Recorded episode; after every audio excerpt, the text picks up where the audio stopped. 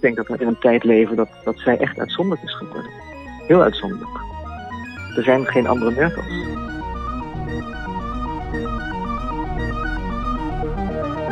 Dit is Radio Merkel.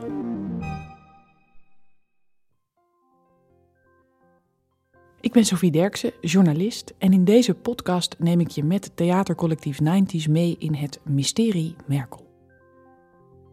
Angela Merkel, de ongekroonde en tegelijkertijd zo ongenaakbare koningin van Europa. Wie is zij? Of, als we dat niet weten, wie hebben we van haar gemaakt? Die vragen zijn het uitgangspunt voor de elektro-opera die theatercollectief 90s maakt over Angela Merkel. En ik besloot hen te volgen in hun zoektocht. Dit najaar schreef ik voor de correspondent een serie over Merkels Duitsland. Toch heb ook ik het idee dat ik het fenomeen Merkel nog altijd niet volledig doorgrond. In deze aflevering, hoe speel je een ongrijpbaar personage? Wat is het geheim van Merkels macht?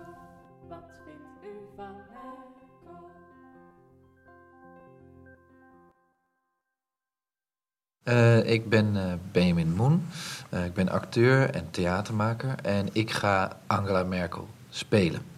In aflevering 1 hoorde je regisseur Floor Houwing ten Kate vertellen hoe ze haar theatercollectief ervan moest overtuigen dat Angela Merkel een eigen elektro-opera verdiende. Niemand weet wie zij is en zij is een ijskoningin. We moeten haar een podium geven, zij is te gek. Eerst was de gedachte dat een oudere, gerenommeerde actrice Merkel zou vertolken, maar uiteindelijk kwam ze uit bij Benjamin Moen. Man, net 30 en de trotse drager van een vlassig snorretje. Ik was razend enthousiast toen Floor mij vroeg om uh, in Angela vast te gaan bijten. Of nee, eigenlijk of ze, vroeg of ik Angela wilde spelen. Want uh, voor mij symboliseerde zij ja, de koningin van Europa. Eigenlijk de, de laatste hoop die er nog was tussen al die grote mannetjes. Trump, Orbán, Erdogan, Modi. Al die gasten. Die mannen die zijn behoorlijk theatraal en nogal uitgesproken in de manier waarop ze dingen zeggen. Merkel is daarin het absolute tegenovergestelde. Die is helemaal niet zo uitgesproken en bijna anti-theatraal. En dat vond ik een te gekke uitdaging om daarmee te gaan kijken: oké, hoe kunnen we van die vrouw theater gaan maken? De laatste mens is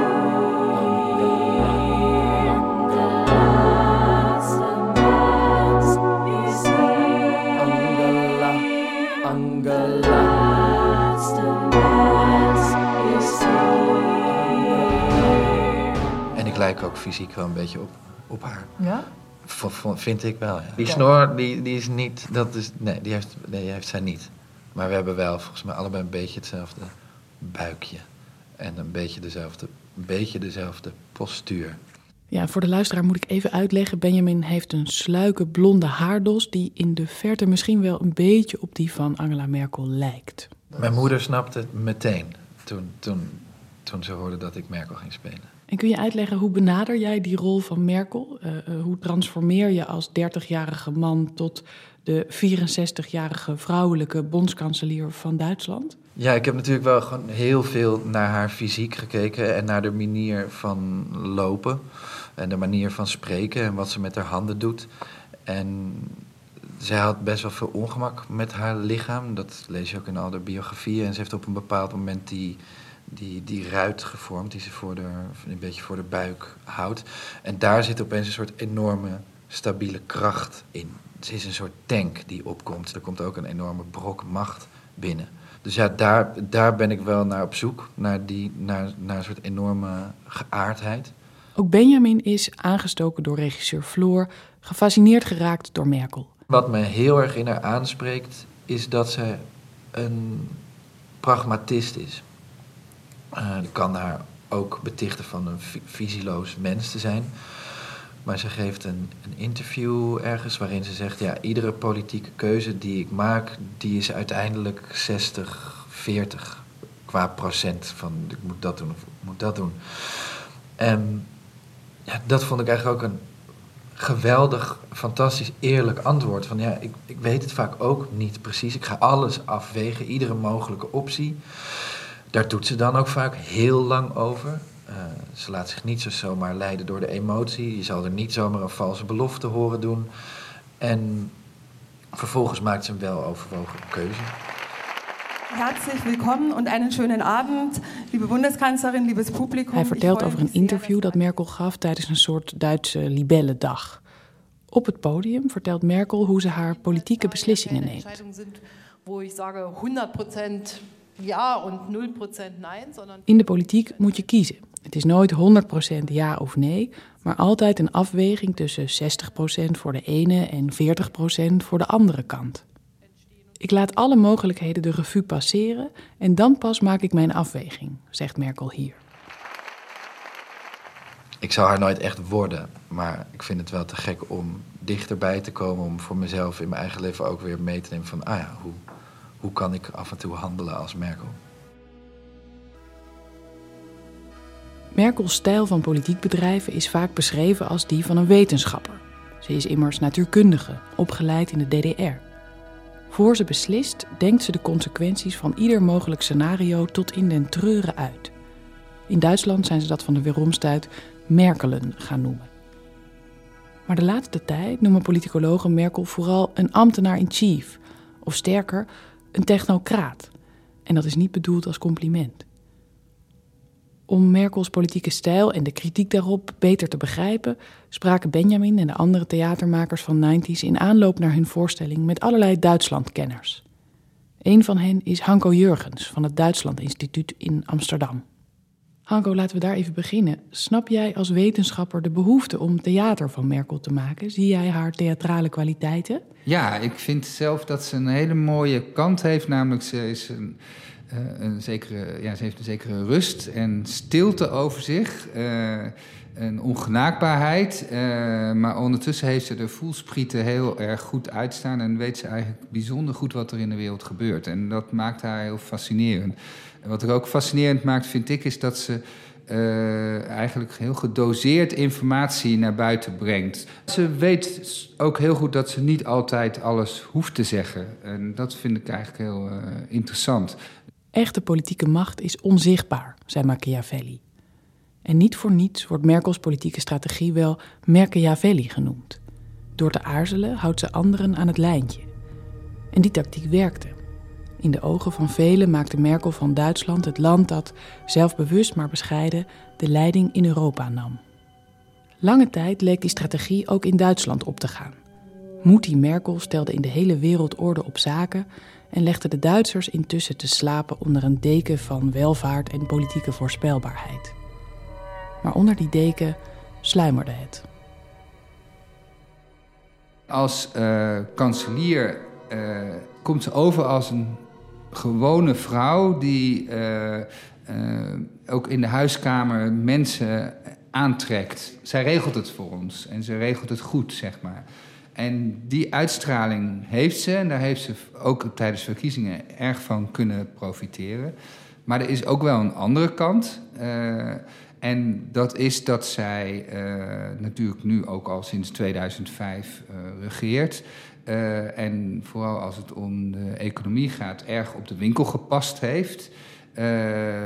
ik heb niet indruk dat veel Nederlanders dat weten, maar de kloof waar in Nederland altijd zo over gesproken wordt, is in mijn ogen in Nederland niet zo heel groot. Maar in Duitsland des te groter. Vermogen.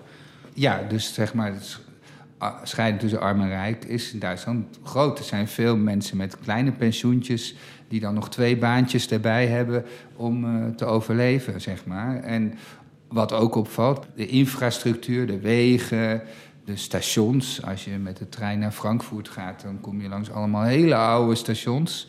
Uh, dat is allemaal bij ons ja, veel beter uh, voor elkaar, omdat de overheid bij ons meer investeert en meer uitgeeft dan in Duitsland. Alles moet zeg maar precies pas zijn. En de, de zuinige kant is Merkel zeker wel geweest.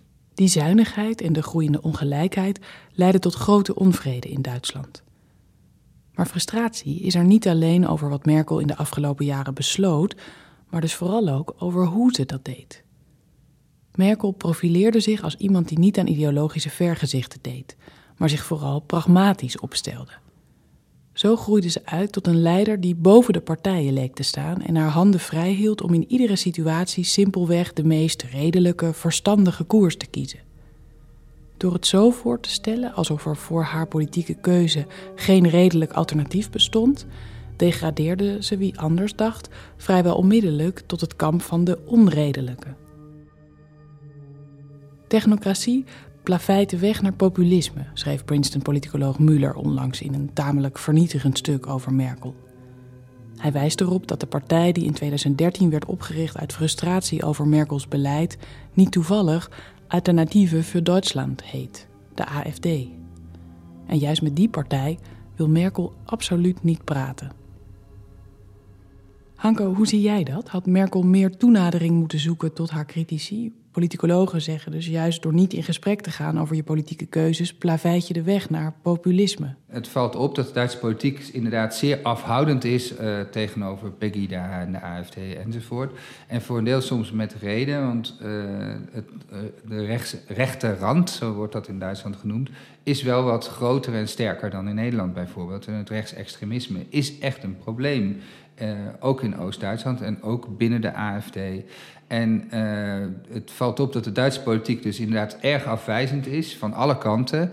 Uh, waardoor het soms zo lijkt alsof de Duitse politiek ook een beetje op slot raakt en zo gebiologeerd bezig is met de opkomst van de AFD. Uh, terwijl volgens mij het uh, een partij is die het inderdaad goed doet, 10 tot misschien 20 procent. Maar de vraag is of de AFD ooit zoveel meer stemmen zal krijgen. En moet je dan zo bezig zijn met je voortdurend af te zetten tegen dat wat je dan niet uh, correct vindt of dat, dat wat je als bedreiging ervaart, dan kun je niet beter dan uh, proberen gewoon oplossingen te vinden voor de problemen van mensen die mensen in Oost-Duitsland ervaren.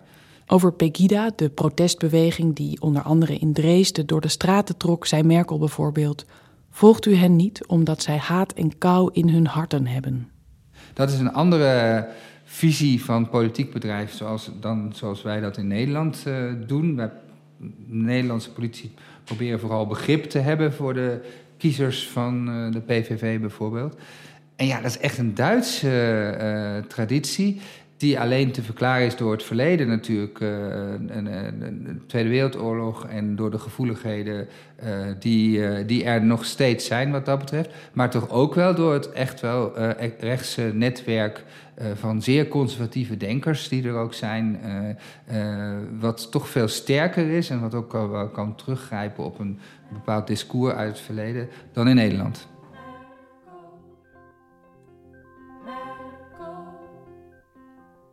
En Hanko, als we Merkel dan benaderen als een personage, een, een, hoofdrol waar we in Europa al heel lang naar kijken, wat is wat jou betreft dan de boodschap van dat lange politieke leven van Merkel? Wat ik eigenlijk de boodschap vind, is dat uh, een leven heel anders kan lopen dan je ooit verwacht hebt. En zoals 35 toen de muur viel en toen zag het er echt helemaal niet naar uit dat zij ooit kanselier van Duitsland zou worden. En dat vind ik fascinerend. Ik vind het ook fascinerend hoe de, om de beelden te zien van uh, hoe zij in 1989 uh, als uh, regeringswoordvoerder, tweede regeringswoordvoerder eigenlijk, van de toenmalige DDR-regering naar Moskou ging. En dan zie je haar toch op een houterige manier opereren, die zo ver afstaat van de huidige Angela Merkel. En dat vind ik eigenlijk geweldig om te zien. Dus die meerdere levens, uh, vijf, zes, zeven levens die zij heeft gehad, die ook weer door de kredietcrisis heel erg veranderd zijn, door de Oekraïne-crisis heel erg veranderd zijn, door de vluchtelingencrisis. Steeds weer hebben we een nieuwe Merkel gezien die op een andere manier opereert. En dat vind ik echt fantastisch om, om te zien. En ik ben eigenlijk heel erg benieuwd hoe ze dat dit jaar uh, ook gaat doen. Je bedoelt hoe ze dat laatste jaar gaat invullen? Ik verwacht, ik ben heel erg benieuwd, maar dat ze eind dit jaar eigenlijk uh, na, na, drie deelstaatverkiezingen in Oost-Duitsland uh, het, het, liefst het stokje over zou willen geven aan Annegret Kramp-Karrenbauer. Even snel tussendoor, dat is Merkels opvolger als partijvoorzitter van de Christendemocraten.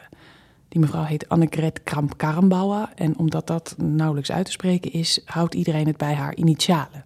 AKK. Zodat die een, met enige ervaring als kanselier de verkiezingen in kan gaan. Anko, je sprak je fascinatie uit voor die vele levens die Merkel geleid heeft. En, en laten we niet vergeten, laten we hopen dat er uh, nog een heel leven voor haar aankomt na de politiek. Maar is er nou één scène uit dat politieke leven die jij heel graag op het toneel straks terug zou willen zien? Ja, dat is toch die houterige scène dat ze uh, op weg is naar Moskou als uh, vertegenwoordiger uh, van Lothar de Maizière, de toenmalige premier van de DDR, om te gaan onderhandelen over het samengaan van de DDR en de Bondsrepubliek. En dat is zo'n eigenlijk verlegen vrouw die ja, gewoon haar best doet, maar absoluut niet in de gaten heeft dat er camera's zijn en hoe je met die camera's moet omgaan. En je ziet eigenlijk de DDR nog heel erg in haar terug op dat moment. Daar is ze weer. Merkel, de vrouw uit Oost-Duitsland die stilletjes en onderschat door iedereen bondskanselier werd. De bedeesde vrouw die zich achter haar pony verschool, maar intussen al haar mannelijke opponenten keihard op een zijspoor zette. Als jij Merkel in uh, muziek zou moeten vangen, welk, welk lied, welk stuk denk je dan aan, Ranko? Uh, ik denk toch dat uh, Canto Ostinato van Simeon ten Holt eigenlijk een hele goede, goed stuk is. Omdat daar natuurlijk die hele rustige opbouw is. En uh, eigenlijk ook het monotone, het minimal art. En dat past helemaal eigenlijk bij haar politieke optreden.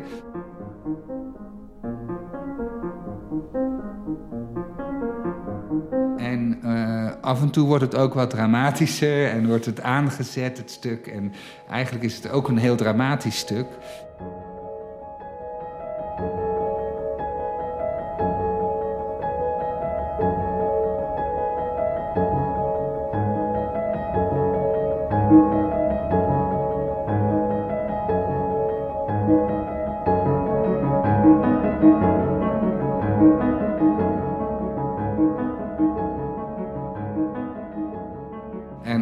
Heel duidelijk uh, stevige inzet. Het, wordt soms harder en sterker. En dat zie je bij haar natuurlijk ook wel terug. Dat ze plotseling wel geëmotioneerd en gemotiveerd en geëngageerd is. En andere tijden weer heel rustig uh, kabbelt als een ja, rustige rivier, zeg maar.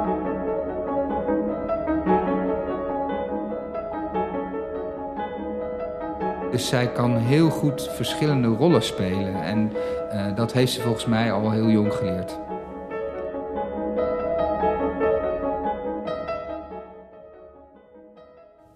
Tot besluit van deze podcast bellen we in New York met schrijver Arnold Grunberg. Uh, met hem willen we graag spreken omdat hij Merkel een aantal keer publiekelijk de liefde verklaard heeft. Onlangs schreef hij nog in de Volkskrant dat hij graag een fanclub voor Merkel zou willen oprichten. Oprecht, ik hou van Merkel. Ik heb ook wel eens gezegd, ik zou best aan Minna willen zijn. Maar ik kan me Merkel bijna niet voorstellen als een um, seksueel wezen. Omdat ze zo gecontroleerd is. Dus er zit ook een hele rare, um, niet-erotische component aan haar. Je vraagt je natuurlijk toch wel af hoe zij privé functioneert. Kijk, ze is zo, ze is zo gecontroleerd. Dus je vraagt me af waar, waar, waar, waar, is, waar wanneer stort zij in? Snap ik bedoel? Iedereen heeft wel eens een instorting. Wanneer zou Merkel die hebben? Zou Merkel wel eens schreeuwen? Dat zijn toch de mysteries. Als het nou gaat om, om Merkel als iemand voor wie jij een, een zekere mate van liefde voelde, hoe, hoe ben je tot haar gekomen? Nou, dat, dat heeft minder eigenlijk in eerste instantie met de persoon te maken, als wel met, met, haar, met de manier waarop ze politiek heeft bedreven, waarop ze Duitsland heeft geleid en waarop ze op een gegeven moment toch eigenlijk de enige uh, leider in het Westen was en misschien ook daarbuiten, um, die nog een enige mate aan, aan fatsoen leek te bezitten en die redelijk was en naar wie je kon luisteren zonder je te beschamen. Kijk, ik denk te veel sentiment in de politiek of te veel emoties is, is eigenlijk wel onverstandig. Democratie is natuurlijk altijd een beetje theater, maar het moet niet te veel worden. Je kan zeggen, ze heeft het zo, heeft zich zo afgesloten van wat um, emotie lijkt te zijn. En ze, doet, ze gaat zo niet mee in, in de gedachte dat een uh, politicus ook echt emoties moet genereren en zelf ook emoties moet tonen, dat dat het ook weer heel intrigerend maakt. Waarin schuilt voor jou het mysterie Merkel? Wat vraag jij je nog altijd af over haar? ik denk, er zit, misschien is ook het mysterie dat we ons niet kunnen voorstellen dat iemand als zij ook gewoon heel, dat ze ook bijna saai is. We kunnen ons niet voorstellen dat iemand die zoveel macht heeft, misschien ook eigenlijk gewoon echt een tikkeltje saai is. Ik denk dat ze daar ook stiekem wel van geniet. Dat het, ook, het is ook heerlijk als mensen alles op je kunnen projecteren. Je wordt natuurlijk niet voor niets een publiek persoon. Je wilt toch, hoe, hoe ongemakkelijk ze ook tegelijkertijd met die aandacht omgaat, ze heeft voor deze carrière gekozen. Ze wilde het. Ik leg Arnon Grunberg de vraag voor waarmee we deze podcast begonnen. Hoe kan het dat iemand die zo bescheiden lijkt, zo zelfbewust haar macht uitbreiden? En waar is het Merkel ten diepste om te doen, denkt hij? Is het nou macht om de macht, of wordt ze uiteindelijk toch gedreven door een hoger doel? Door idealisme, voor mijn part. We praten over de column die Grunberg daarover in 2014 in de Volkskrant publiceerde. Daarin schrijft hij: De mens heeft nu eenmaal geen andere keus dan naar macht te streven. Een idealist zonder macht is onpraktisch, waarschijnlijker nog potsierlijk. Merkel heeft gezonde machtshonger, maar relativeert haar macht in gelijke mate. Machiavellisme zonder bloeddorst, dat is het realistische ideaal. Principes heeft ze nauwelijks, hooguit twee of drie, de rest is aanpassingsvermogen. Kortom, zo besluit Grunberg, Angela Merkel is niet alleen een voorbeeld, ze is een messias voor onze tijd. Wat is voor jou de boodschap van, van deze Messias, de Messias Merkel? De boodschap aan jou, maar wellicht aan ons in Europa. Nou ja, toch dat, dat, dat we de verworvenheden van, van na 45 niet, niet te snel moeten weg, weggooien. En dat, dat in, in, in die saaiheid en in die degelijk, deg, degelijkheid en ook in dat misschien wat, wat ja, niet modieuze fatsoen, ik heb geen ander woord ervoor dan fatsoen, dat er toch heel waardevol in te vinden is. Ik denk dat we, dat in een tijd leven dat, dat zij echt uitzonderlijk is geworden. Heel uitzonderlijk. Er zijn geen andere Merkels.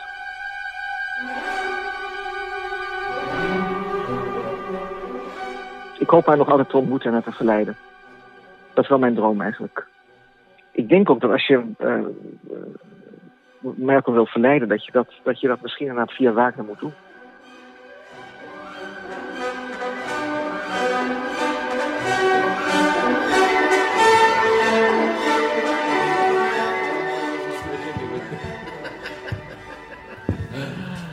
te lichten. Oké, wij zijn er klaar voor. Als jullie straks ook. Een snelle transformatie maken naar gewoon, oké, waar zit ze? Ja. En dan komen de kleren. Ja. Chill. Ja, laten we dat voor steen. En dan moeten we even kijken naar het u, dat. Als je dat ook even vindt. Dan kijk tijd kraakt. Dan hoor je toch niks van. Hoort u daar steen voor steen. De dag breekt aan. De mens is klaar. Ontwaak, ontwaak,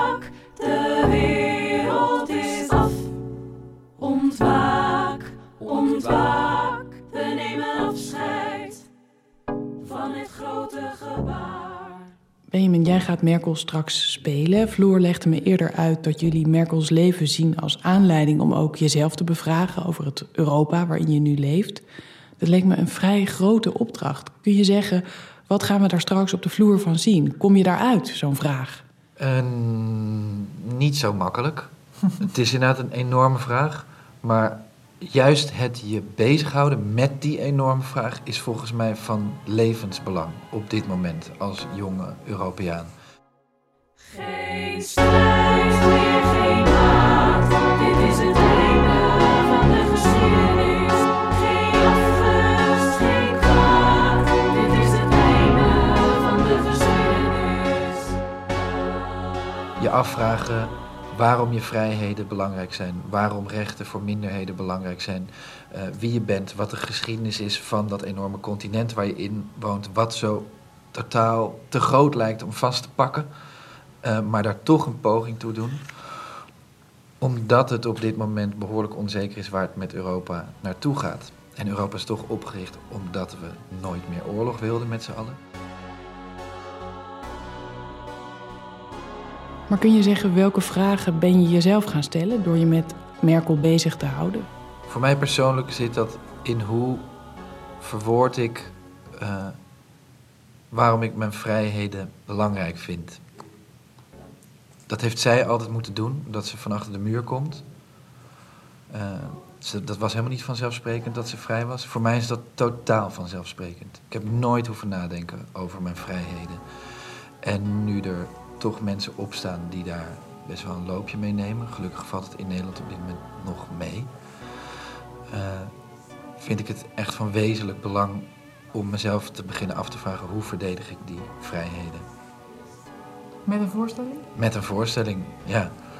Ja, we gaan een soort klein monument voor de liberale democratie maken ook, denk ik, ergens. ja.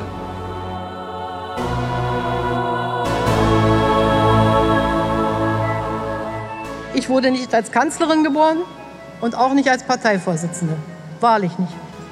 Ich habe mir immer gewünscht und vorgenommen, meine staatspolitischen und parteipolitischen Ämter in Würde zu tragen und sie eines Tages auch in Würde zu verlassen. Binnenkort zal het Duitsland zonder Merkel zich aftekenen. Ik kan me er zelf nog weinig bij voorstellen. Het is alsof je al jaren een televisieserie volgt waaruit het hoofdpersonage ineens verdwijnt. Es war mir eine große Freude. Es war mir eine Ehre. Herzlichen Dank.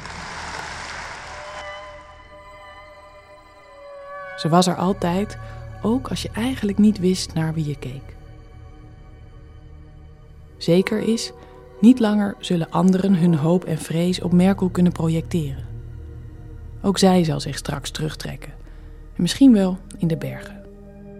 Ieder jaar houdt Merkel namelijk vakantie in Zuid-Tirol. En ieder jaar duiken daarvan vrijwel identieke vakantiefoto's op.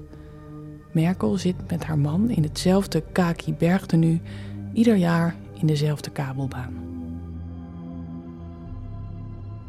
De aftiteling loopt al. Langzaam verdwijnt het liftje met Merkel in de mist. Dit was Radio Merkel, een co-productie van Orkater en 90s Productions in samenwerking met radiomakers De Smet.